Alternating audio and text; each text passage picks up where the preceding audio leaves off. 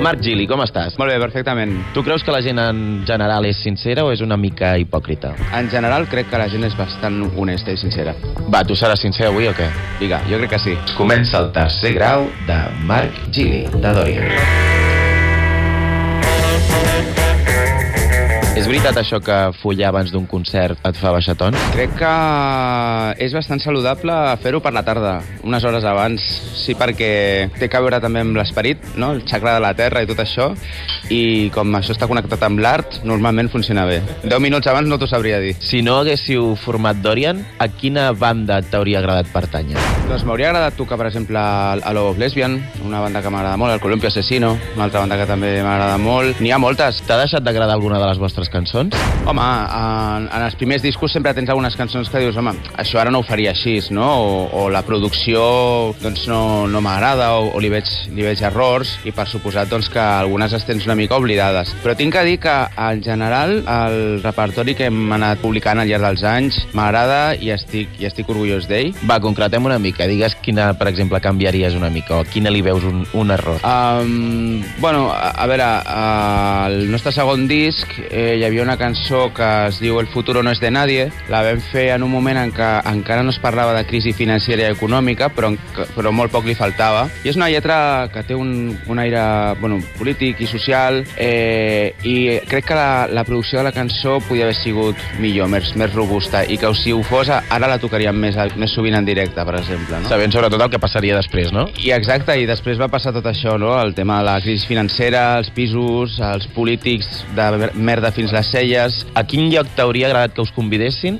i no us han convidat? Ens fa molta il·lusió algun dia fer el Canet Rock, per exemple. Et molesta alguna cosa de l'indi actual? Mm, no, no em molesta perquè crec que l'escena està en un moment molt saludable, eh, els grups estan molt orgullosos els uns dels altres i també m'agrada tota aquesta nova fornada més trapera que ha sortit en aquests darrers temps. Potser s'hauria de col·laborar més entre grups i tal, estaria bé, per exemple, això. Què opines de la depilació genital? Penso que és un camí de no retorn.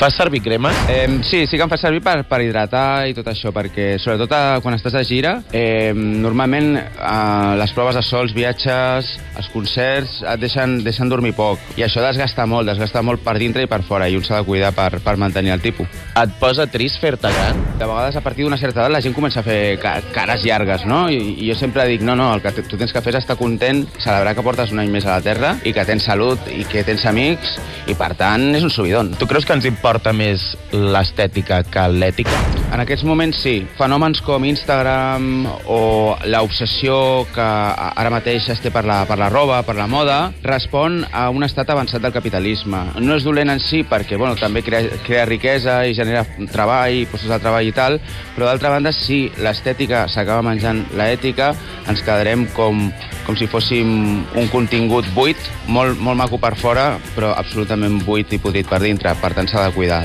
també la part espiritual. Què penses de la monarquia?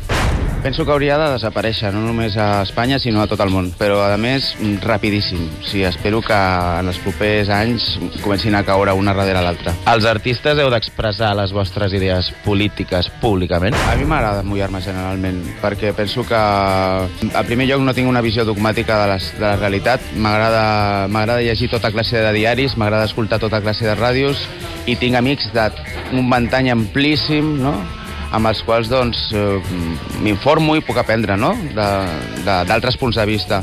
Per tant, sí, els artistes poden parlar públicament de, del que els hi passa pel cap, eh, però no tenen que, cap. És a dir, no té que ser una obligació. Quina pregunta filosòfica et fas més sovint? Quan vaig pel carrer, molt sovint, em paro en una cantonada, és a dir, paro el meu trajecte de A cap a B, començo a veure la gent caminant amunt i avall, cotxes amunt i avall, i em pregunto cap a on anem tots, cap a on va tota aquesta gent. Llavors començo a preguntar-me com li haurà anat el dia a aquest senyor calvo que ara passava del meu.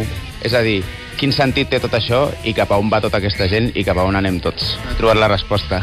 Què t'angoixa de treure un nou disc?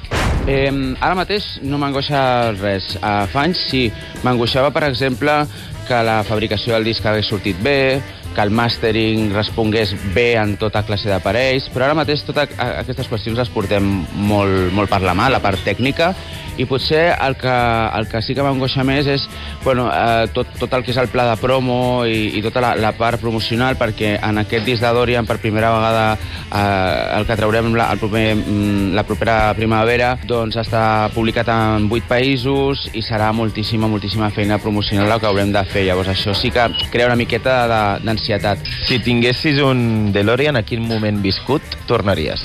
Finals dels 90, principis dels 2000, la Barcelona de la cultura de clubs, electrònica i indie d'aquells anys, que va ser màgica, mítica, i que tothom que la va viure la recorda com una cosa molt, molt especial.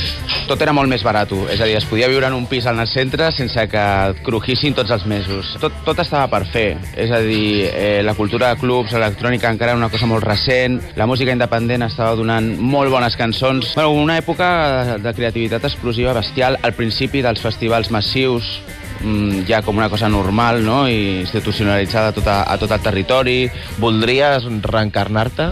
La veritat és que m'agradaria tenir almenys tres vides, perquè amb la que tindré no em dóna temps en fer tot el que m'agradaria fer, i això em, fa, em dóna molta ràbia. Algunes persones s'avorreixen de vegades. Jo aquesta sensació d'avorriment no, no l'he tingut pràcticament mai, perquè em falta temps per fer tot el que m'agradaria. Vius a la, en un poblet molt petit? Et molesta la gent?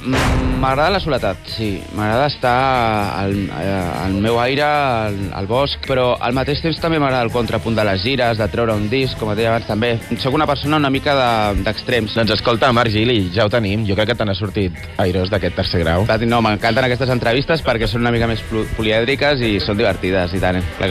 Gràcies, Marc. Gràcies a vosaltres. Gràcies a tu, Víctor Fernández. T'hi has fixat, Roger, que el Marc Gili de Dorian i el Víctor tenen la mateixa veu? Eh, heu vist, hem fet com una mena de duet aquí, tot molt polièdric, exacte. Sí.